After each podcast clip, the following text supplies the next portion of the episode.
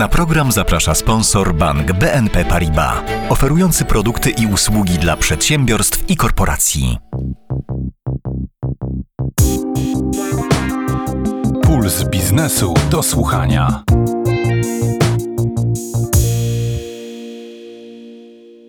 Dzień dobry, Małgorzata Grzegorczyk. To jest Puls biznesu do słuchania. W tym roku kodeks pracy przejdzie totalny lifting. Już weszły w życie przepisy dotyczące kontroli trzeźwości, a w kwietniu wejdą przepisy dotyczące pracy zdalnej. Od razu odpowiadam na pytanie, które pewnie wszystkich nurtuje w związku z pracą zdalną. To pracodawca podejmuje decyzję, choć pracownik może o nią wnioskować. Ale nowości będzie dużo, dużo więcej. Trwają prace nad wprowadzeniem unijnych dyrektyw, w tym dotyczącej work-life balance. Warto posłuchać, co nas czeka. W tym podcaście o pracach Ministerstwa Pracy opowie dyrektor departamentu, który odpowiada za wprowadzanie przepisów. O stanowisku pracodawców dowiemy się z rozmowy z doradcą Konfederacji Lewiatan, a o oczekiwaniach pracowników opowie przedstawiciel OPZZ. Ekspertka firmy rekrutacyjnej Antal oraz partnerka w firmie doradczej Crido ocenią te zmiany i opowiedzą, jak to robią inne kraje. Zapraszam na podcast Trzęsienie ziemi w kodeksie pracy. Puls biznesu do słuchania. Praca zdalna, kontrola trzeźwości, work-life balance. W przepisach dotyczących pracy nagle wybuchła bomba i wszystko się zmienia. O tym, co w trawie piszczy, opowie Marcin Stanecki, dyrektor Departamentu Prawa Pracy w Ministerstwie Rodziny i Polityki Społecznej. Czy to jest czas wielkich zmian?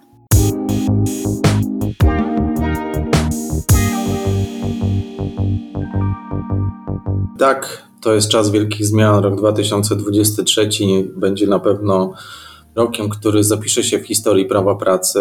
Mamy dwie największe nowelizacje w prawie pracy od lat. Myślę, że tak porównywalne do zmian, które weszły w życie 2 czerwca 1996 i 2 maja 2004 ale te nasze zmiany, tak naprawdę mówimy o dwóch dużych zmianach, ale pod każdą zmianą kryją się jeszcze dwie kolejne, bo pierwsza zmiana, która już weszła w życie, kontrola trzeźwości w dniu 21 lutego i praca zdalna, która wejdzie w życie 7 kwietnia, to tak naprawdę dwie zmiany, które zostały połączone w jeden akt prawny zmieniający ustawę kodeks pracy. Również jeżeli chodzi o tą kolejną zmianę, która obecnie jest procedowana, jutro będzie procedowana w Senacie, to zmiana ustawy Kodeks Pracy wynikająca z konieczności implementacji dwóch dyrektyw unijnych, które również zostały połączone w jeden akt prawny. Będzie to implementacja dyrektywy w sprawie przejrzystych i przewidywalnych warunków pracy i dyrektywy w sprawie równowagi między życiem zawodowym a prywatnym. E, więc to są bardzo daleko idące zmiany. Kodeks pracy zostanie bardzo mocno zmieniony i wprowadzamy bardzo dużo różnych zmian, powiedziałbym, rewolucyjnych w polskim prawie pracy, chociażby kontrola trzeźwości. Bo musimy pamiętać, że takim wydarzeniem, które spowodowało, że temat kontroli trzeźwości się pojawił, to był dzień 27 czerwca 2019 tego roku, kiedy Urząd Ochrony Danych Osobowych zajął stanowisko, że pracodawcy nie mają prawa prewencyjnej kontroli trzeźwości dokonywać ponieważ te kontrole nie są kontrolami z zakresu BHP, nie są monitorowaniem pracowników. Dane o tym, czy pracownik jest trzeźwy, czy nie, to są dane szczególne, to są dane o stanie zdrowia i pracodawca nie może nimi bez zgody pracownika dysponować. Ale niezależnie od tego stanowiska, jak przeanalizuje się akty prawne obowiązujące w Polsce, pierwszy akt prawny, który regulował kwestie związane z piciem alkoholu i stawianiem się do pracy w stanie nietrzeźwości picia alkoholu w pracy. To jest ustawa z 1959 roku, która została następnie zmieniona ustawą z 1982 roku o wychowaniu w trzeźwości i przeciwdziałaniu alkoholizmowi. Ale z żadnych tych aktów prawnych nie wynikała możliwość prewencyjnej kontroli trzeźwości pracowników. Teraz wreszcie w kodeksie pracy to będzie.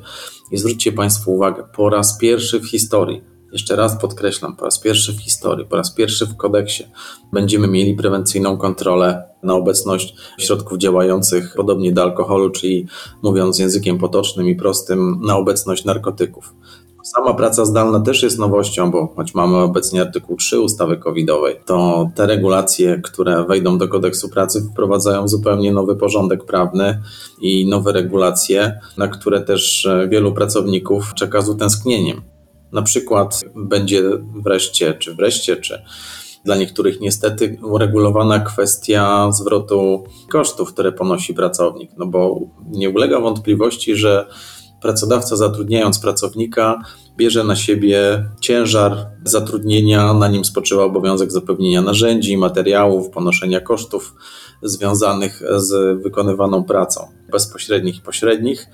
I w przypadku pracy zdalnej na podstawie ustawy covidowej nie ma obowiązku wypłaty pracownikowi ryczałtu czy ekwiwalentu z tytułu używania przez niego własnych narzędzi i materiałów, czy z powodu kosztów, które ponosi, kosztów energii elektrycznej, kosztów internetu. Teraz te koszty będą uregulowane i pracodawca będzie musiał je ponosić. Uregulowaliśmy też to, co jest korzystne dla pracodawców, mianowicie strony stosunku pracy będą mogły określić zasady kontroli. I ta kontrola będzie mogła być przeprowadzona na trzech płaszczyznach, na trzech obszarach. Byłaby to kontrola w zakresie wykonywania pracy. Pracodawca będzie mógł taką kontrolę przeprowadzać. Kontrola w zakresie bezpieczeństwa i higieny pracy i kontrola w zakresie ochrony danych osobowych. Oczywiście wiem, że w przypadku ochrony danych osobowych spotkałem się z takimi sytuacjami, że zawierane były umowy cywilnoprawne na wypożyczenie dokumentów, gdzie były wpisywane kary umowne za ujawnienie tej dokumentacji, no ale wiadomo, że takie zachowanie jest naganne z punktu widzenia prawa pracy i nie ma takiej możliwości. Teraz w ustawie będzie przewidziana możliwość dokonywania tych kontroli. Również kwestie związane z wypadkami w pracy. Też pojawiał się problem, jak te kwestie rozwiązać, jeżeli pracownik zgłaszał wypadek w czasie pracy zdalnej. Te kwestie już również zostaną w tej ustawie uwzględnione i nie będzie już problemu z tym, jak pracodawca ma się zachować, czy zespół powypadkowy może wejść do domu, czy nie, no bo pamiętajmy, że praca zdalna jednak jest wykonywana w domu, a z artykułu 50 Konstytucji wynika, że trzeba chronić mir domowy i możliwości pracodawcy w tym zakresie są ograniczone, możliwości dostępu do pracownika domu. A teraz będzie można? Pewnie, że będzie można, ale, szanowni państwo, pod pewnymi warunkami bo to wejście musi być mocno ograniczone, ponieważ musi być dokonane w porozumieniu z pracownikiem. No bez zgody pracownika, krótko mówiąc, pracodawca nie będzie mógł kontrolować jego warunków pracy, czy pod kątem BHP, czy sposobu wykonywania. Więc po pierwsze zgoda pracownika, po drugie w godzinach pracy. To nie może być tak, jak sobie niektórzy wyobrażają. Pytają, zadają nam takie pytania, czy to jest możliwe, że pracodawca z nienacka będzie wpadał do pracownika i go kontrolował. To często się pojawia w aspekcie kontroli trzeźwości, bo nie wiem czemu, ale wiele osób łączy kontrolę trzeźwości z kontrolą pracowników zdalnych. To są dwa odrębne akty prawne i zupełnie o co innego chodzi w tych aktach. Nie chodzi o to, żeby kontrolować trzeźwość pracowników zdalnych, tylko te akty są połączone ze względów logistycznych, bym tak to nazwał, w jeden akt prawny, ale prewencyjna kontrola trzeźwości ma dotyczyć przede wszystkim pracowników tych, gdzie są zagrożenia dla życia i zdrowia tych pracowników i wiemy, na przykład w przypadku kierowców, no niewątpliwie prewencyjne kontrole trzeźwości są niezbędne i jak dobrze wiemy, one są stosowane obecnie za zgodą pracowników, ale już nie będzie ta zgoda wymagana. Nie ma możliwości, żeby pracodawca samodzielnie na przykład zabrał sobie pracownika działu kadr i pojechał do tego domu i dzwonił i weryfikował jego zachowanie. To jest możliwe, ale tylko jeżeli pracownik wyrazi zgodę. No, pierwsza taka, która chyba wszyscy znamy i o której wszyscy wiemy, no to jest te 9 tygodni dodatkowego urlopu rodzicielskiego nieprzenaszalnego dla drugiego z rodziców. To jest ta zmiana najbardziej wyczekiwana i najbardziej budząca wiele emocji. Poza tym to też powszechnie znany urlop opiekuńczy, tak? Te pięć dni urlopu opiekuńczego, który niestety co do zasady będzie niepłatny dla pracownika, ale będzie się wliczał do stażu pracy. Ten urlop opiekuńczy będzie przysługiwał, tak jak powiedziałem, w wymiarze pięciu dni w celu zapewnienia osobistej opieki lub wsparcia osobie będącej członkiem rodziny lub zamieszkującej w tym samym gospodarstwie domowym, która wymaga opieki lub wsparcia z poważnych względów medycznych. Więc to będzie taka możliwość e, dla pracownika, żeby się zaopiekował członkiem swojej rodziny, bo zwróćcie Państwo uwagę, że teraz w motywach dyrektywy w sprawie równowagi między życiem zawodowym a prywatnym nie tylko się pisze o dzietności, o potrzebie zapewnienia pogodzenia pracy z opieką nad dziećmi, ale to, co wydaje mi się nowością co jest niezmiernie ważne i jest, to jest wyzwanie, które stoi przed nami, to Unia Europejska zwraca uwagę na problem starzenia się i problem zapewnienia opieki naszym rodzicom czy naszym dziadkom, Warto też wspomnieć jeszcze o tych dwóch dniach, które przysługują pracownikowi, będą przysługiwały z powodu siły wyższej w pilnych sprawach rodzinnych spowodowanych chorobą lub wypadkiem. Będzie niezbędna ta natychmiastowa obecność pracownika, to pracownik będzie miał prawo do takiego zwolnienia w wymiarze dwóch dni albo 16 godzin. A teraz tego nie ma? Wydawało mi się, że jest coś takiego jak urlop na żądanie. Mamy właśnie, ale to nie jest urlop na żądanie. Mamy prawo do czterech dni urlopu na żądanie i będziemy mieli. Ale przypominam jeszcze właśnie, zanim przejdę do Wismajor, Szanowni Państwo, urlop zgodnie z definicją ma służyć regeneracji sił fizycznych i psychicznych pracownika. Ja wiem, że przyjęło się w przypadku urlopu na żądanie, że on służy załatwianiu spraw osobistych, no ale nie taka jest idea urlopów wypoczynkowych. I trzeba to bardzo mocno odróżnić urlop na żądanie od tego zwolnienia z powodu działania siły wyższej w pilnych sprawach rodzinnych. Chodzi o takie sytuacje, że musimy, no mamy, każdy kto miał dziecko w przedszkolu chociażby wie, że zdarzają się, czy w szkole takie sytuacje, że pani dzwoni i mówi, że dziecko się źle czuje i trzeba po nie jechać. Któryś z rodziców i wtedy mamy komfortową sytuację, że mamy jeżeli nam się urlop na żądanie skończy, to mamy te dwa dni z tytułu działania siły wyższej, bo jest to pilna sprawa rodzinna. Mamy te dwa dni albo 16 godzin. Przy czym tu w tym przypadku, w odróżnieniu od urlopu wypoczynkowego, zwolnienie od pracy będzie płatne w wysokości połowy wynagrodzenia. Mamy jeszcze prawo do pracy zdalnej okazjonalnej w wymiarze 24 dni w roku kalendarzowych. I niektórzy błędnie traktują te 24 dni pracy zdalnej okazjonalnej tak jak urlop na żądanie i twierdzą, że jeżeli pracownik e, będzie miał taką potrzebę, to składa pracodawcy informację, że bierze pracę zdalną okazjonalną i pracodawca musi to zaakceptować. To jest błędne rozumienie. Pracodawca może wyrazić zgodę, ale nie musi wniosek o pracę okazjonalną jest na wniosek pracownika, ale to nie jest żądanie. To nie, nie ma nic wspólnego z urlopem na żądanie. Pracodawca ma prawo odmówić bez konsekwencji negatywnych dla siebie. I chcę powiedzieć jeszcze, żebyśmy też mieli świadomość, że jeżeli pracownik sobie sam udzieli tej pracy zdalnej, okazjonalnej, nie stawi się w pracy, to myślę, że to może być tak potraktowane jak samodzielne udzielenie urlopu wypoczynkowego, czyli może skutkować to tym, że pracodawca zastosuje artykuł 52 i uzna to za ciężkie naruszenie podstawowych obowiązków pracowniczych, bo w przypadku urlopów wypoczynkowych przecież mamy orzecznictwo Sądu Najwyższego, z którego wynika, że nawet jeżeli pracownik sobie samodzielnie udzieli zaległego urlopu wypoczynkowego, to nie usprawiedliwia to jego zachowania i pracodawca ma prawo rozwiązać z nim umowę o pracę bez wypowiedzenia z winy pracownika z tego powodu, że nie stawił się do pracy. A ta praca zdalna, okazjonalna to jest coś, co dopiero wejdzie właśnie. Tak, 7 kwietnia, 24 dni, tak, to jest ta praca, która jest e, bardzo oczekiwana przez pracodawców, ponieważ pracownik nie ma tutaj zwracanych kosztów energii elektrycznej i kosztów internetu. Ale to są tylko 24 dni w roku, tak? Tak, 24 dni w roku. No bo tak jak powiedziałem, związki zawodowe bardzo oponowały przeciwko temu rozwiązaniu. Związki zawodowe były za tym, żeby było w ogóle 12 dni pracy zdalnej, okazjonalnej. Pracodawcy chcieli 36 dni. My wybraliśmy rozwiązanie salomonowe. No właśnie chciałam Pana podpytać, czy są takie obszary, w których pracodawcy i pracownicy mocno się nie zgadzają i właśnie musicie Państwo więcej takich salomonowych decyzji podejmować? Bardzo mocno strona związkowa nie zgadza się ze stroną pracodawców. Przecież prawo pracy to nie tylko te zmiany, o których mówiłem, ale zeszły rok nam pokazał przecież w zakresie negocjacji dotyczących minimalnego wynagrodzenia. Na Radzie Dialogu Społecznego przecież pracodawcy oczekiwali zamrożenia lub zawieszenia w ogóle wysokości minimalnego wynagrodzenia. Strona związkowa oczekiwała bardzo wysokiej podwyżki minimalnego wynagrodzenia.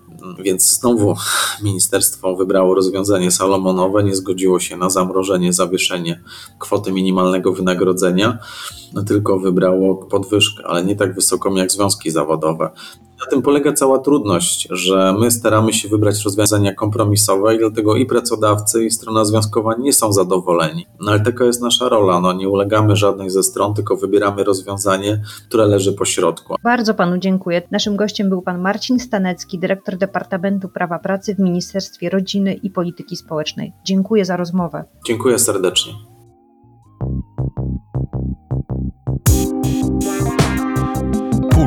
Biznesu do słuchania. Zmian jest dużo, będzie jeszcze więcej. Jak oceniają je pracodawcy? Spytam o to profesora Jacka Męcinę z Uniwersytetu Warszawskiego, doradcę zarządu Konfederacji Lewiatan. Zacznijmy od już wprowadzonych przepisów dotyczących kontroli trzeźwości. Czy to dobre rozwiązania, czy coś należy w nich zmienić?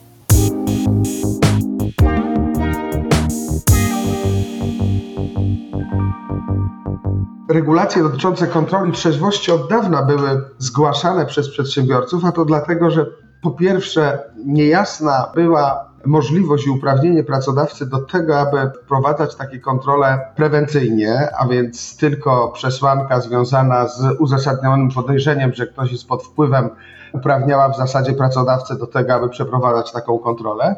A po drugie, no, zmieniły się przesłanki przeprowadzania tych kontroli, czyli nie tylko alkohol, ale coraz częściej pojawiające się niestety w naszej rzeczywistości różne substancje, które działają podobnie jak e, alkohol, a przecież mamy i mówimy o zagrożeniu bezpieczeństwa i higieny pracy, więc to jest e, kluczowe nie tylko z punktu widzenia bezpieczeństwa tego pracownika, który potencjalnie jest pod wpływem, ale no, całej grupy pracowników, a więc jest związany z bezpieczeństwem, higieną pracy w zakładzie pracy. I tutaj w zasadzie można by zgłaszać jakieś pojedyncze wnioski związane ze szczegółowymi regulacjami, ale co do zasady te przepisy nie budzą takich kontrowersji. Dużo gorzej jest z pracą zdalną, nad którą pracowaliśmy dwa lata Trochę przedsiębiorcy mówią, że nie wiadomo po co, bo gdy rozpoczęły się dyskusje, wydawało się, że na poziomie europejskim te kwestie zostaną uregulowane, że wiele krajów je ureguluje. No, dziś można powiedzieć, że jesteśmy w wąskiej grupie krajów Unii Europejskiej, które uregulowały tę pracę zdalną i wrażenie jest takie, że więcej w tym biurokracji niż takich przesłanek zachęcających pracodawcę i pracownika do rozwoju pracy zdalnej. Okej, to proszę powiedzieć, co się panu w tych rozwiązaniach nie podoba? Przede wszystkim e, zwróciłbym uwagę na dwie kwestie związane z uregulowaniem tak zwanego ryczałtu dla pracowników e, z tytułu pracy zdalnej. Ten ryczałt od początku był podnoszony przez związki zawodowe. Chodziło o e, dość racjonalne przesłanki uwzględnienia kosztów energii, internetu, ewentualnie kosztów związanych z wykorzystaniem narzędzi czy materiałów pracownika do pracy.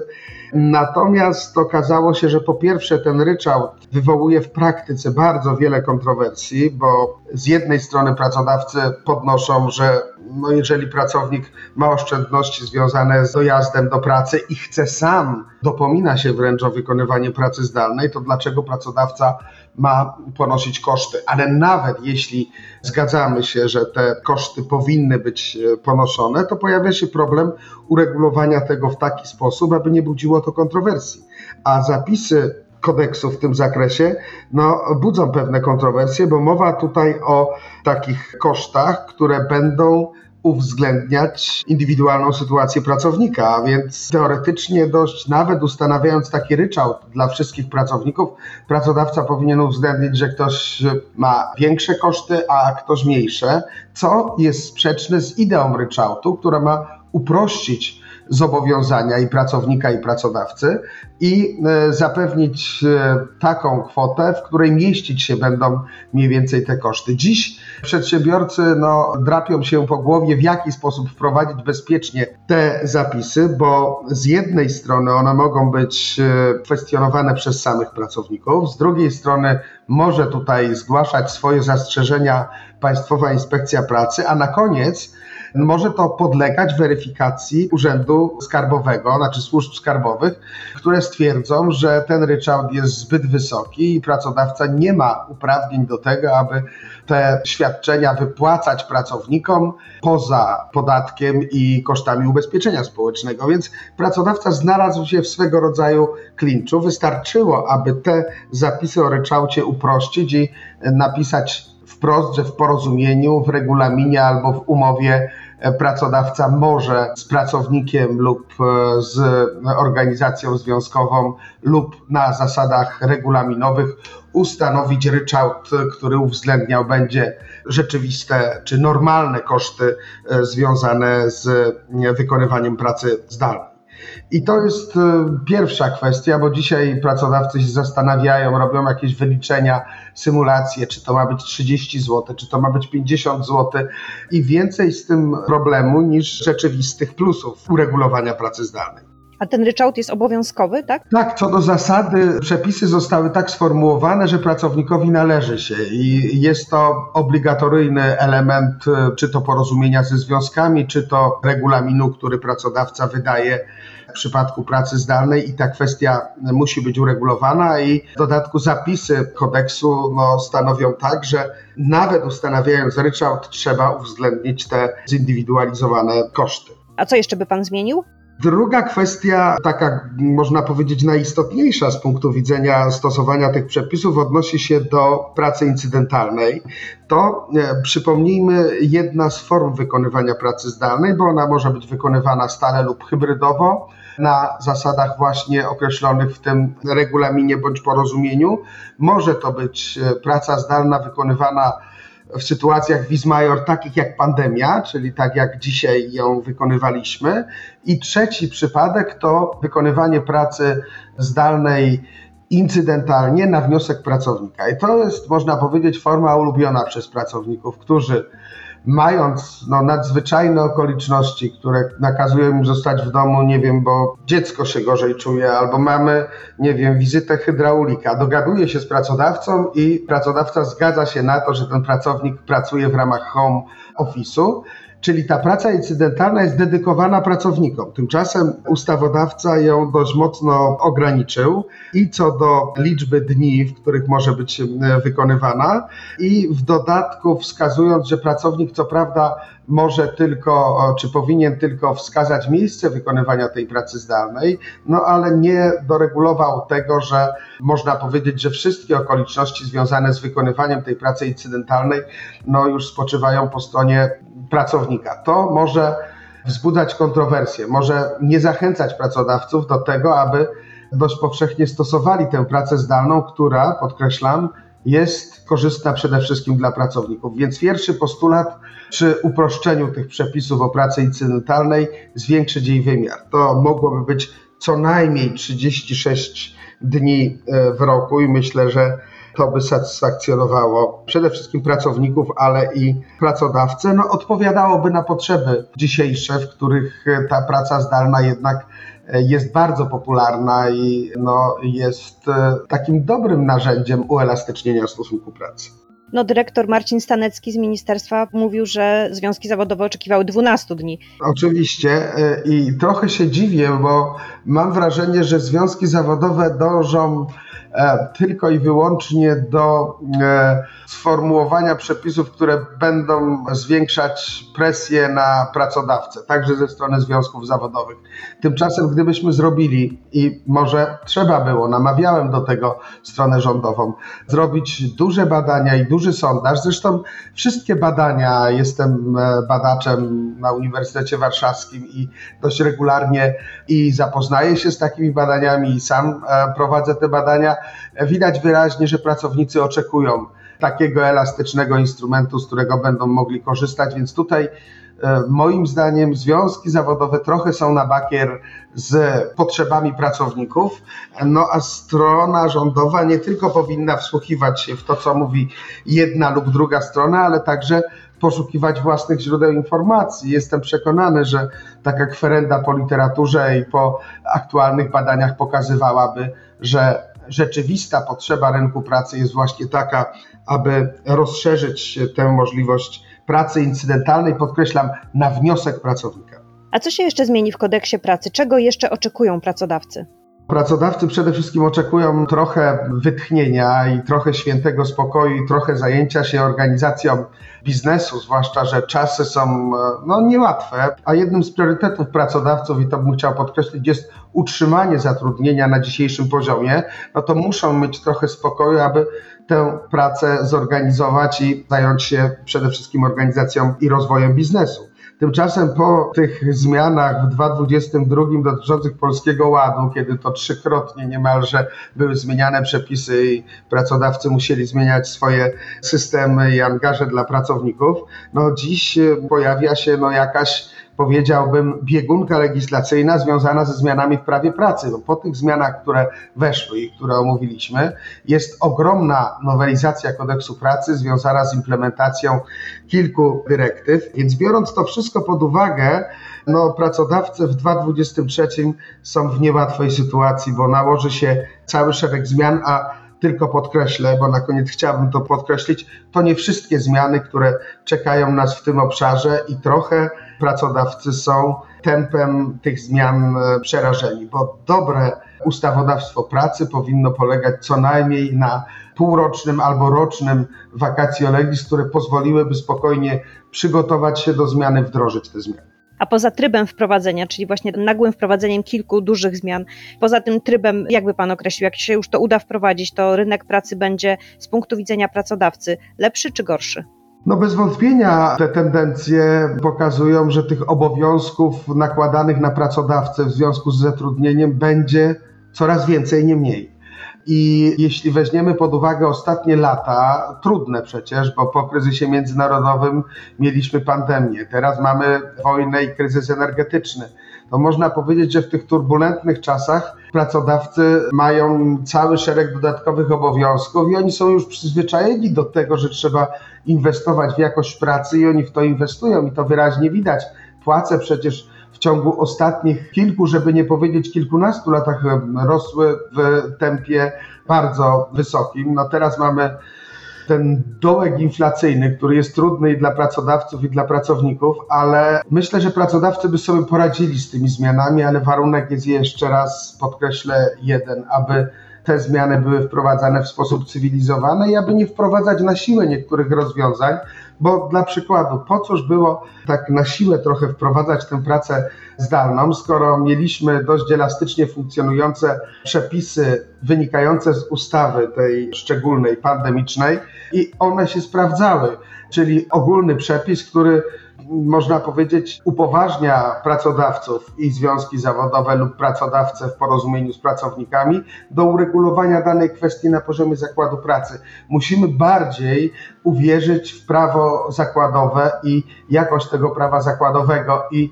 wtedy łatwiej będzie przedsiębiorcom implementować te wszystkie zmiany i dostosowywać się, bo z całą pewnością czasy są takie, że idziemy w kierunku takiej elastyczności, ale jednocześnie gwarantującej pracownikom lepszą jakość pracy. Ja bym jeszcze, jeśli pani redaktor pozwoli, e, wspomniał o kilku zmianach, które nas czekają i które są istotne, bo e, ich wprowadzenie wynika wprost z prawa europejskiego i jeżeli e, już dzisiaj popełniamy sporo błędów, choć w przypadku implementacji tych dyrektyw Life Work Balance informacyjnej możemy jeszcze coś zrobić. Możemy po prostu wydłużyć wakacje legis do co najmniej 6 miesięcy i będzie przedsiębiorcom łatwiej, ale mamy do uregulowania przepisy dyrektywy o równości płac i to będzie kolejny obowiązek, który będzie nakazywał przedsiębiorcom badanie równości płac. I znowu powiem, z tym rozwiązaniem pracodawcy sobie poradzą, ale warunek jest taki, abyśmy dali dużo czasu na to, aby przygotować się do tego implementować te przepisy. Zresztą Konfederacja Lewiatan wspólnie z Kongresem Kobiet przygotowały projekt ustawy i można powiedzieć, ogłosiliśmy go dokładnie 8 marca bodajże 2021 roku, więc mamy też pewne doświadczenia w tym zakresie. To jest następna dyrektywa, którą już musimy wdrażać o minimalnym wynagrodzeniu i umowach zbiorowych.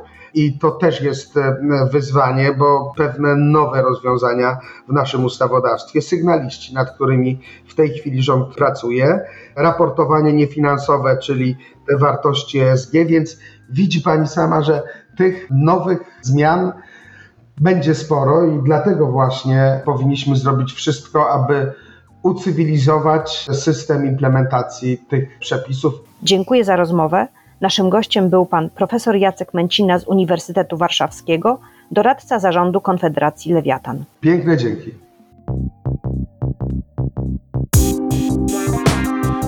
Puls biznesu do słuchania.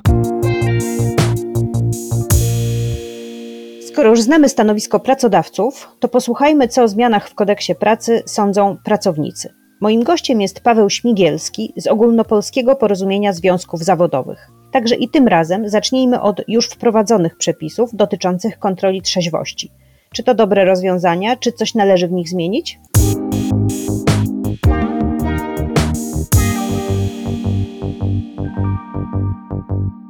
Pierwszej kolejności cieszę się, że wreszcie przepisy dotyczące kontroli trzeźwości pracowników pojawiły się w kodeksie pracy, ponieważ no, w poprzednich latach była różna praktyka w zakładach pracy i wywoływało to ogromne wątpliwości. Dzisiaj mamy to w kodeksie pracy i też e, mogę wyrazić zadowolenie, że zasady kontroli trzeźwości mają być prowadzone poprzez układ zbiorowy pracy lub poprzez regulamin pracy, a więc dokumenty, które są uzgadniane ze związkami zawodowymi. Tak więc mam nadzieję, że w tej formie formule dialogu społecznego na poziomie zakładu pracy będą te zasady wypracowane w sposób jak najbardziej racjonalny, sprawiedliwy i zdroworozsądkowy. Czy coś należy w nich zmienić? Ja powiem szczerze, będę patrzył na praktykę tych porozumień i na praktykę stosowanych zapisów, ponieważ już docierają do nas sygnały, że no, pracodawcy zamierzają bardzo szeroko wprowadzać tą kontrolę trzeźwości, a przypominam, że kodeks pracy mówi wyraźnie, że w tych zasadach należy sobie uzgodnić grupę lub grupy pracowników, wskazać sposób dokonywania tej kontroli, a także wskazać czas i częstotliwość dokonywania tej kontroli trzeźwości. Tak więc tutaj obawiam się, żeby nie była stosowana zła praktyka w zakładach pracy przez pracodawców, a mianowicie zbytnia elastyczność w stosowaniu tych e, przesłanek i tu będziemy po prostu obserwowali tą e, praktykę. Natomiast e, ja powiem tak, będziemy czekać na sygnały ze strony związków zawodowych o nieprawidłowościach. Jeżeli takowe się pojawią, to z pewnością będziemy starali się, żeby te tematy były przedmiotem szerszej dyskusji i z pracodawcami, i z ministrem pracy, tak żeby wypracować te rozwiązania w sposób jak najlepszy. A co ze zmianami dotyczącymi pracy zdalnej? Czy tutaj coś by Pan zmienił, czy Pan też uważa, że są w miarę dobre, ale wyjdzie w praktyce? Generalnie można ocenić, że przepisy dotyczące pracy zdalnej są dobre, zdecydowanie lepsze niż to, co dzisiaj mamy w ustawie covidowej w artykule trzecim. Natomiast jeżeli miałbym coś zmienić, to wskazałbym na trzy obszary. A przede wszystkim pierwszy obszar, a mianowicie no, zmieniłbym tryb wprowadzania pracy zdalnej na wyłącznie w formule porozumienia ze związkami zawodowymi, dlatego że w mojej ocenie jest to dobry sposób pobudzenia zakładowego dialogu społecznego. Tak więc tutaj dopuściłbym tylko taki sposób. A obecnie jest jaki? A obecnie tak naprawdę są cztery mechanizmy wprowadzania pracy zdalnej na teren zakładu pracy, mianowicie porozumienie ze związkami zawodowymi. Jeżeli tego porozumienia nie będzie, to regulamin pracy zdalnej wydany przez pracodawcę. Ustawodawca dopuścił również no, ustalenie zasad pracy zdalnej poprzez polecenie pracodawcy, no i bezpośrednie porozumienie z pracownikiem. Tak więc tych metod wprowadzenia pracy zdalnej jest naprawdę dużo. I tu trzeba wskazać, że jest tu takie uprzywilejowanie negocjacyjne pracodawcy. Tak więc tu bym e, dokonał pierwszej zmiany. Druga sprawa, która w mojej ocenie mogłaby być inaczej uregulowana, to zwiększenie katalogu kosztów związanych z wykonywaniem pracy zdalnej, które są wymienione w ustawie. W ustawie ustawodawca wymienia tylko dwa takie koszty, e, prąd i internet. Oczywiście pozwala na to, żeby w porozumieniu czy w regulaminie wskazać na inne dodatkowe koszty, ale ja powiem szczerze, no Chciałbym, żeby ten katalog ustawowy był szerszy, żeby zawierał wodę, ogrzewanie, różnego rodzaju koszty związane ze środkami higieny osobistej, środkami czystości, bo takie wprost wskazanie w ustawie zdecydowanie by ułatwiło zawieranie takich porozumień czy wprowadzania regulaminów pracy zdalnej. I trzecia sprawa, którą bym chciał widzieć w przepisach prawa pracy, to jasny i konkretny zapis o prawie pracownika do odłączenia się, czyli prawie do bycia offline. Dlaczego? Dlatego, że praca zdalna pokazała, że wielokrotnie zaciera się granica między pracą zawodową, czasem pracy zawodowej, a czasem prywatnym. To właśnie w erze pracy zdalnej, czyli w erze pandemii COVID-19, wielokrotnie dostawaliśmy sygnały, że pracownicy wykonują swoje czynności służbowe poza godzinami pracy, odpowiadają na maile, na SMS-y, na telefony, dlatego że ta praca zdalna no, była i jej czas był wielokrotnie nieprzestrzegany przez pracodawców. Tak więc chciałbym, żeby prędzej czy później, może prędzej, prędzej. Pojawił się jasny i konkretny zapis wskazujący na zakaz komunikowania się z pracodawcą w jakiejkolwiek formie poza godzinami pracy pracownika. Już dzisiaj oczywiście można takie prawo w sposób pośredni z wielu przepisów dotyczących czasu pracy, czasu odpoczynku, norm dotyczących pracy w godzinach nadliczbowych wyciągnąć to prawo jak najbardziej. Ale w celach informacyjnych i edukacyjnych taki prosty, jasny zapis w kodeksie pracy powinien się pojawić. Kontrola trzeźwości i praca zdalna to takie zmiany najbliższe. Jedna już weszła w życie, druga za chwilę wejdzie. Natomiast wiemy, że w kodeksie pracy zmienią się jeszcze kolejne rzeczy. To proszę powiedzieć, na co jeszcze czekają pracownicy? Z pewnością pracownicy czekają e, na to prawo do odłączenia się, czyli to, co powiedziałem przed chwileczką. E, z pewnością czekają na inne uregulowanie odpłatności pięciodniowego urlopu opiekuńczego, czyli te zmiany, które wkrótce będą wchodziły w ramach tej ustawy Work-Life Balance. Proszę pamiętać, że no, dzisiaj prawda, jest już końcówka procesu legislacyjnego i ten pięciodniowy urlop opiekuńczy, który ma zachęcać do opieki nad członkami rodziny, członkami wspólnie zamieszkującymi gospodarstwo domowe, no, generalnie jest nieodpłatny, a wiemy doskonale, że bezpłatne urlopy nie cieszą się popularnością wśród pracowników. Tak więc no, chciałbym również, żeby jakaś odpłatność za ten pięciodniowy urlop opiekuńczy jednak była, po to, żeby ten przepis po prostu był w miarę popularny i żeby e, no, odgrywał taką rolę i taką funkcję, jaką zakładał ustawodawca unijny. Podejrzewam, że też będzie trzeba rozpocząć takie poważniejsze rozmowy na temat zmniejszenia tygodniowego wymiaru czasu pracy. Przypomnę, że już jest propozycja propozycja stopniowego zmniejszenia tego czasu do 38, a docelowo do 35 godzin w tygodniu. Tak więc podejrzewam, że też będzie czas na rozpoczęcie tych e, rozmów. No i też byśmy chcieli porozmawiać o czasie pracy w kontekście wykonywania pracy w nadgodzinach, dlatego że dzisiaj te przesłanki są bardzo szerokie. Szczególne potrzeby pracodawcy to jedna z takich przesłanek. Ona jest w taki sposób niedokreślona, że wielokrotnie mamy problemy w zakładach pracy. Tak więc generalnie byśmy o rozdziale szóstym dotyczącym czasu e, pracy chcieli sobie porozmawiać porozmawiać z pracodawcami i ze stroną rządową. Proszę powiedzieć, czy po wprowadzeniu tych zmian, które już jakby zostały wprowadzone, za moment zostaną wprowadzone, to Pana zdaniem rynek pracy będzie z punktu widzenia pracowników lepszy czy gorszy? W mojej ocenie będzie lepszy.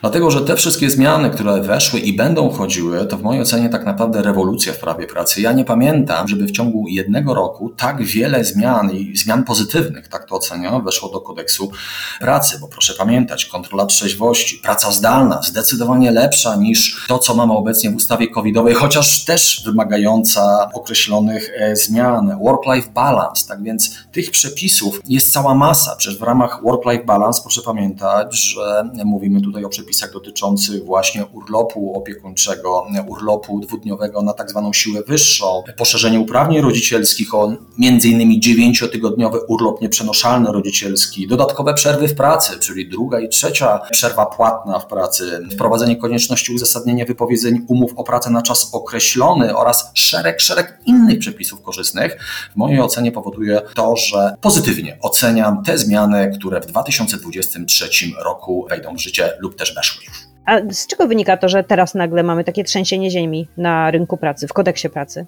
To znaczy wynika w mojej ocenie po pierwsze z opóźnienia prac nad poszczególnymi rozwiązaniami. Proszę pamiętać, że praca zdalna, ten temat przewija się mniej więcej od trzech lat, prawda? Czyli od marca, kwietnia 2020 roku, kiedy staliśmy się świadkami pandemii COVID-19 i przez te trzy lata tak naprawdę rozmawialiśmy sobie, w jaki sposób na nowo unormować pracę zdalną. Te przepisy są opóźnione, ale niezwykle konieczne.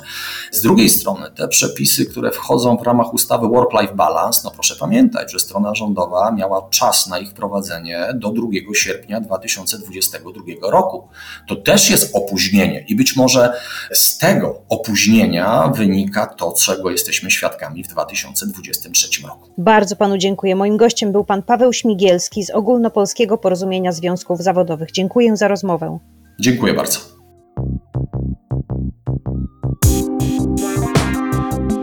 Puls biznesu do słuchania. Pomiędzy pracodawcami a pracownikami są agencje pracy. Mają najlepszy ogląd sytuacji, wiedzą czego oczekują pracownicy, a co im dają pracodawcy. Dlatego zaprosiłam do udziału w podcaście Paulinę Szewczyk, headhuntera z firmy rekrutacyjnej Antal. Które ze zmian są najbardziej wyczekiwane przez pracowników?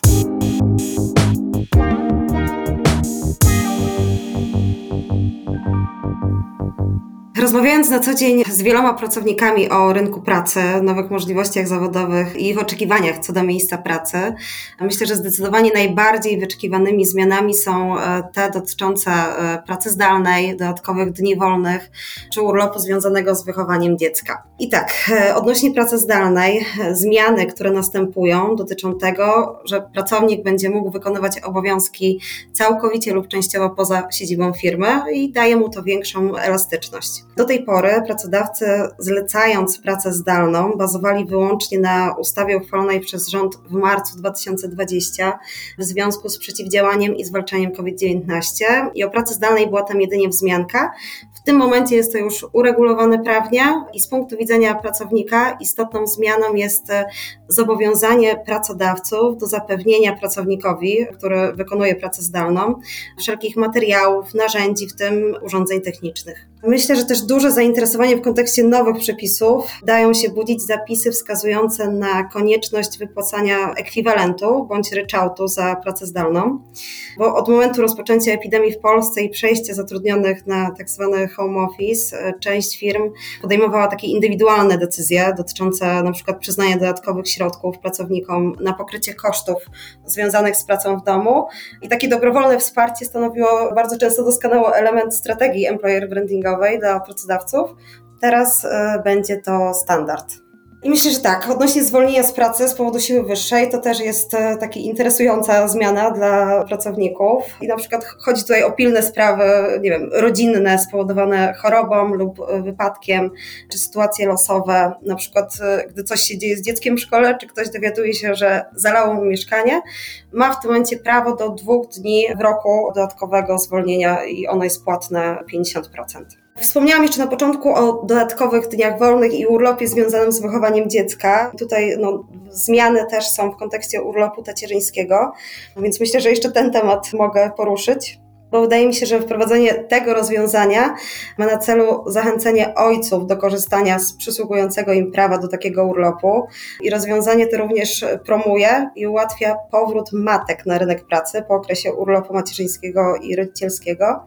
Tutaj mogę się pochwalić też tym, co robimy my w Antal, bo nie od dziś wiemy, jak ważna jest aktywizacja kobiet na rynku pracy i dwa lata temu powołaliśmy do życia projekt IT Mam Academy, który właśnie aktywizuje organizuje mamy, które mogą z nami współpracować zdalnie i ten projekt zdobył nawet brązowy medal w konkursie People Innovation. Powiedziała Pani o rozwiązaniach, które są korzystne z punktu widzenia pracowników, a które ze zmian w kodeksie pracy są dobre dla pracodawców? Myślę, że nowe zapisy o pracy zdalnej e, trafiają także do, do pracodawców, ponieważ pracownik będzie musiał dokładnie określić miejsce, z którego będzie wykonywał pracę zdalną. To oznacza, że jeżeli pracownik zadeklaruje, że będzie to jego mieszkanie, w którym ma wszystkie potrzebne sprzęty, a pracodawca wypłaca ten ekwiwalent bądź ryczałt za pracę zdalną, to taki pracownik nie będzie mógł zmienić miejsca pracy na kawiarnię na przykład lub pójść na spacer, no, chyba że będzie to wcześniej ustalone z pracodawcą jako przerwa w pracy, więc pracodawca będzie miał e, no, dużo większą kontrolę nad tą pracą zdalną. I myślę, że też dla pracodawców plusem jest możliwość e, badania trzeźwości pracowników. No bo w tym momencie firma będzie mogła wprowadzić kontrolę alkomatem w miejscu pracy, jeśli jest to niezbędne do zapewnienia ochrony życia, zdrowia pracowników lub też innych osób, czy do ochrony mienia. Więc myślę, że te dwie zmiany są takie najbardziej istotne. A mogłaby Pani powiedzieć, dlaczego akurat teraz tak wiele się zmienia w kodeksie pracy w Polsce? Czy tak jest też w innych krajach, czy to jest specyfika naszego kraju, że mamy taki rok zmian? No, myślę, że e, w kontekście dlaczego teraz tak dużo się zmienia, to odpowiedź chyba będzie krótka, bo głównym motorem do zmian moim zdaniem jest e, galopująca inflacja. Te wszystkie zmiany, e, które są w tym momencie, myślę, że mają wynagrodzić szczególnie pracownikom zwiększone koszty życia. Jeszcze spytała Pani, jak, jak to w innych krajach wygląda. Nie wiem, czy te zmiany e, wprowadzane są co roku, natomiast generalnie w każdym kraju europejskim obowiązują różne regulacje w, w zakresie praw pracowniczych i dotyczą one wymiaru urlopu, czasu pracy czy urlopów e, macierzyńskich. I myślę, że takie największe różnice widzimy w ilości godzin pracy. Polsce jest to 40 godzin tygodniowo, a na przykład we Francji to jest 35 godzin, we Włoszech 38. I myślę, że też taką różnicą są kwestie odpoczynku w pracy i różnicą tutaj w wielu krajach europejskich. One wyglądają inaczej. W Polsce jest tak, że pracownikowi przysługuje przerwa trwająca co najmniej 15 e, minut, jeśli przepracuje 6 godzin minimum a wiele europejskich państw, na przykład takich jak e, Hiszpania, Grecja, Portugalia, Włochy, to kraje, gdzie w połowie dnia idzie się na odpoczynek, tak zwane siesty, na przykład w Hiszpanii e, trwają od godziny 14 do 17. No i nie załatwimy w tych godzinach nic w urzędach, bankach e, czy biurach. No i podobnie jest, tak jak wspomniałam, w Grecji, Hiszpanii, Włoszech. Te przerwy są nawet kilkugodzinne w, w ciągu dnia. Myślę też, że różnicą jest czterodniowy tydzień pracy, który wprowadza coraz więcej państw europejskich. Z tego co wiem, to jest to w Niemcy, Belgia, że u nich to już e, funkcjonuje. Finlandia też mocno skróciła ten tydzień pracy, jeśli chodzi o godziny. I jeszcze jest też e, na zachodzie generalnie popularnym modelem jest e, model pracy Work from Anywhere i on zakłada pracę zdalną z dowolnego miejsca na świecie. U nas w Polsce jest testowany tak naprawdę przez wielu pracodawców, ale to jeszcze też nie jest uregulowane. A właśnie może mogłaby Pani powiedzieć, co by się jeszcze przydało w tych przepisach pracy, w kodeksie pracy zmienić? Myślę, że bardzo ważnym tematem jest jawność wynagrodzeń na polskim rynku pracy. Ja osobiście no, na co dzień rozmawiając z wieloma kandydatami na rynku pracy, odczuwam bardzo duży nacisk z ich strony odnośnie właśnie jawności płac w ofertach pracy. I myślę też, że w Polsce jest e, widoczna duża luka płacowa w wynagrodzeniach kobiet i mężczyzn. I na przykład, e, nie wiem, patrząc na ranking najbardziej pożądane pracodawcy, tam liderzy, wypowiadają się, że publikacja tych widełek w ogłoszeniach byłaby takim pierwszym krokiem do zmniejszenia tej luki, do negocjowania wynagrodzeń przez pracowników z pracodawcami, no a w konsekwencji tak naprawdę zmiany pensji czy zmiany kulturowej w polskim społeczeństwie. Myślę, że kolejną zmianą, może niekoniecznie w przepisach, ale dobrowolnie ze strony pracodawców, byłby właśnie ten czterodniowy tydzień pracy. No jest wiele badań, które wskazują, że pracownicy są bardziej efektywni pracując w takim e, modelu. Skracanie tygodnia pracy przez pracodawców e, no, jest bardzo rzadko spotykane w tym momencie w Polsce. Tutaj mam na myśli właściwie wszystkie branże. Branża, w której spotykamy takie przypadki, powiedzmy, benefitu, to jest e, branża IT. Ja osobiście i my jako firma, jako Antal, e, nie spotkaliśmy się z taką ofertą ze strony pracodawców ale za to bardzo często takie pytania zadają nam kandydaci, tak? I oni są bardzo zainteresowani takimi opcjami, żeby to były, nie wiem, 4 dni w tygodniu po 8 godzin lub e, praca 5 dni w tygodniu, ale 6-7 godzin. Troszkę Pani e, otworzyła oczy, o czym można by pomarzyć w przyszłości. Bardzo dziękuję za rozmowę. Moim gościem była Pani Paulina Szewczyk, headhunterka z firmy rekrutacyjnej Antal. Bardzo dziękuję.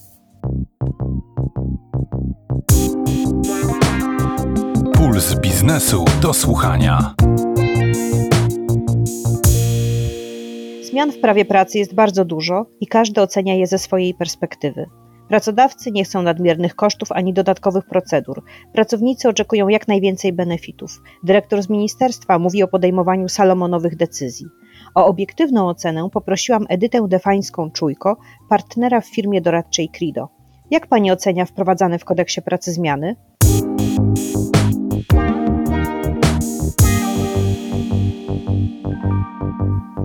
Zmiany co do zasady oceniam pozytywnie, jeżeli chodzi o konieczność uregulowania niektórych kwestii, ale mają pewne niedociągnięcia, w szczególności jeżeli chodzi o perspektywę pracodawcy. I tak zacznę może od pracy zdalnej. Tutaj ona dotychczas była uregulowana tylko w tak zwanej specustawie covidowej, która od początku miała być tymczasowa. W modelu pracy zdalnej covidowej nie było jakichś konkretnych ram, przepisy covidowe tworzone były dosyć szybko, bo taka była potrzeba w pandemii. Na zmiany przyszło nam czekać prawie 3 lata i to stanowi w pewnym sensie przełom zakresie obecnego modelu pracy. Dotychczas jedyna kodeksowa forma wykonywania pracy na odległość, czyli ta telepraca, nie była popularną formą, stała się już dawno archaicznym dosyć tworem, w przeciwieństwie właśnie do pracy zdalnej, która powszechnie przyjęła się na rynku. I obecne badania rynku pokazują, że praca zdalna, szczególnie w tym modelu hybrydowym, jest wciąż bardzo pożądana i co więcej, nie jest już tylko benefitem, ale wręcz oczekiwaniem pracowników.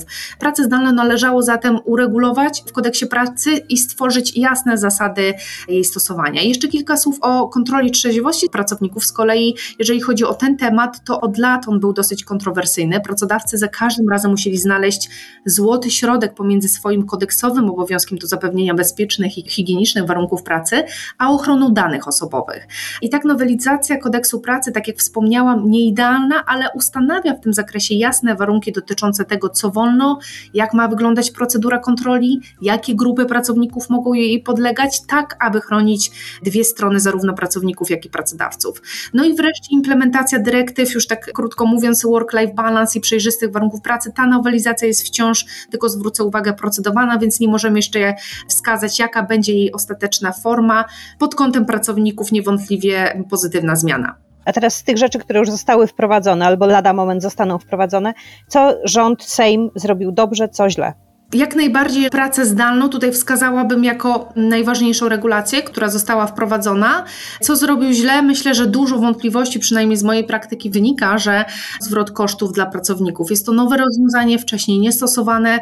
Od wejścia w życie nowelizacji kwestia ta będzie musiała zostać wprost uregulowana ze stroną pracowniczą w porozumieniu, regulaminie, a prawidłowe wyliczenie ryczałtu czy ekwiwalentu budzi bardzo dużo wątpliwości. Stąd te zmiany pracodawcy oceniają bardzo często negatywnie. A coś, co zostało zrobione dobrze? Jeżeli chodzi o możliwość wykonywania pracy zdalnej, ciekawym tutaj rozwiązaniem wprowadzenie jest elastycznego rozwiązania pracy zdalnej, czyli na pewno niewątpliwie okazjonalnej pracy zdalnej. Jest to w pełni odformalizowana forma pracy zdalnej, nie wymagająca właśnie zawierania między stronami czy to dodatkowych porozumień, regulowania tego w porozumieniu z organizacjami związkowymi. Nie ma konieczności obowiązku po stronie pracodawcy udostępnienia narzędzi, materiałów czy poniesienia kosztów wykonywania takiej pracy zdalnej. Także jest to odpowiedź odpowiedź na taką konieczność elastycznego ukształtowania wykonywania pracy zdalnej. Jeżeli chodzi o kontrolę trzeźwości, myślę, że pozytywną zmianą jest to, że może ona dotyczyć również osób zatrudnionych na podstawie umów cywilnoprawnych czy umów B2B. Dodatkowo taka kontrola nie jest tylko na alkohol, ale środki działające podobnie do alkoholu, ale tutaj również mamy dużo wątpliwości. Mamy stan wskazany, który jest kwalifikowany do kontroli po spożyciu alkoholu. Teraz pracodawcy mają wątpliwości, no co jeżeli my wcześniej uregulowaliśmy ten stan na poziomie niższym niż ten przyjęty w kodeksie pracy, czy również możemy tutaj kontrolować pracowników. Jeszcze o takiej zmianie ciekawej wspomnę, która jest planowana, to o rozwiązywaniu sporów zbiorowych. Tam się wskazuje, przyjmuje definicję podmiotu dominującego. Tutaj oczywiście zamiar był słuszny, żeby prowadzić rokowania, spory zbiorowe z pracodawcą, spółką, która ma faktycznie rzeczywisty wpływ na prowadzenie działalności, ale w kodeksie pracy mamy dosyć prostą definicję pracodawcy, która nie sprzyja mm, tym nowym warunkom uregulowanym w ustawie. Kto by określał, który to jest podmiot dominujący, może w praktyce okazać się, że pewna spółka nawet nie wie o tym, że jest w sporze zbiorowym, albo będzie zaskoczona, że ją do tego sporu zbiorowego zaproszono. Także jest wiele wątpliwości, nieprecyzyjnych kwestii, które powinniśmy jeszcze dodatkowo uregulować. A są jakieś takie obszary, o których mogłaby Pani powiedzieć, które na pewno warto jeszcze zmienić? Myślę, że im bliżej wejścia w życie przepisów, tym więcej pojawia się właśnie pytań o praktykę. Przykładowo powszechnie z takich ostatnich e, zapytań klientów, które do nas dotarło, to są wątpliwości dotyczące stosowania przykład liczby dni okazjonalnej pracy zdalnej. Nie jest jasne, czy limit 24 dni okazjonalnej pracy zdalnej na rok kalendarzowy obowiązuje u każdego pracodawcy i czy po zmianie pracodawcy się odnawia, czy przysługuje pracownikowi wyłącznie 24 dni, niezależnie od tego, u ilu pracodawców w danym roku pracownik pracuje. Pytanie też, czy można żądać od nowo przyjętego pracownika oświadczenia, ile dni takiej okazjonalnej pracy zdalnej już wykorzystał? Dobrym pomysłem w tym zakresie byłoby znowelizowanie rozporządzenia właśnie dotyczącego świadectwa pracy i tym samym usunięcie tych wątpliwości. Dodatkowo palącą kwestią, której tutaj warto zwrócić uwagę, jest też ochrona sygnalistów. Pierwotnie wdrożenia dyrektywy miały nastąpić już do 17 grudnia. W Polsce nie zakończył się jeszcze w ogóle rządowy etap legislacyjny nad projektem tej ustawy i w styczniu ukazała się kolejna wersja projektu, ale proces proces legislacyjny znowu zamarzł. Także komisja skierowała już do Trybunału sprawę przeciwko Polsce w związku opóźnieniem i tutaj być może to przyspieszy prace dotyczące odpowiedniej ustawy. A czy są jakieś takie dobre rozwiązania, dobre praktyki stosowane w innych krajach w kodeksach pracy, które mogłaby Pani jeszcze zalecić, żebyśmy też wprowadzili?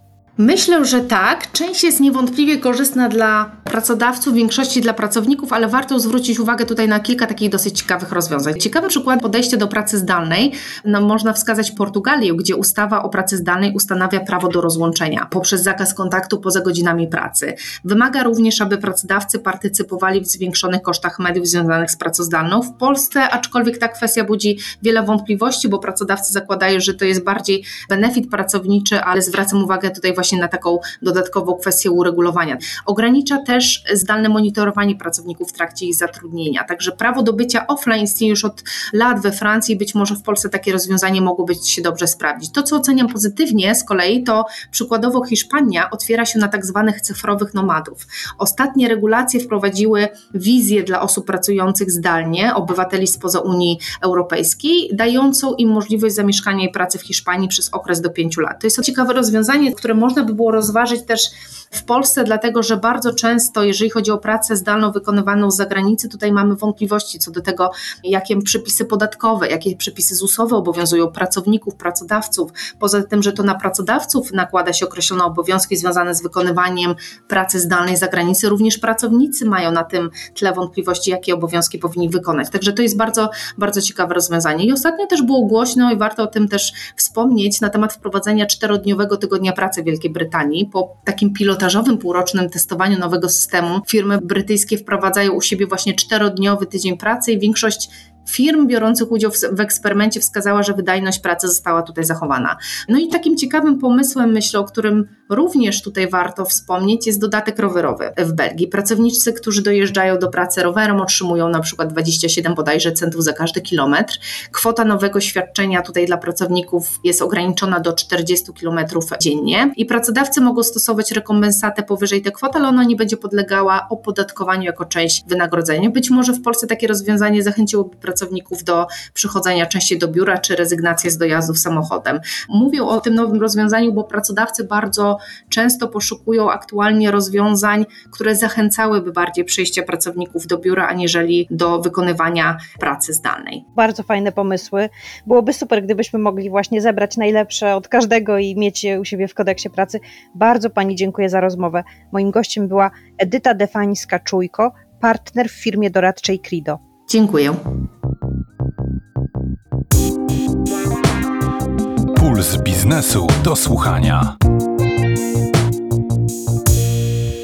To jak, jesteście przygotowani na trzęsienie ziemi w kodeksie pracy? Zapraszam za tydzień na podcast Marcina Bołtryka o cenach i dostępności aut, a wszystkie podcasty Pulsu Biznesu do słuchania znajdziecie w aplikacjach i na stronie pb.pl/podcasty. Dziękuję za dziś. Małgorzata Grzegorczyk. Do usłyszenia.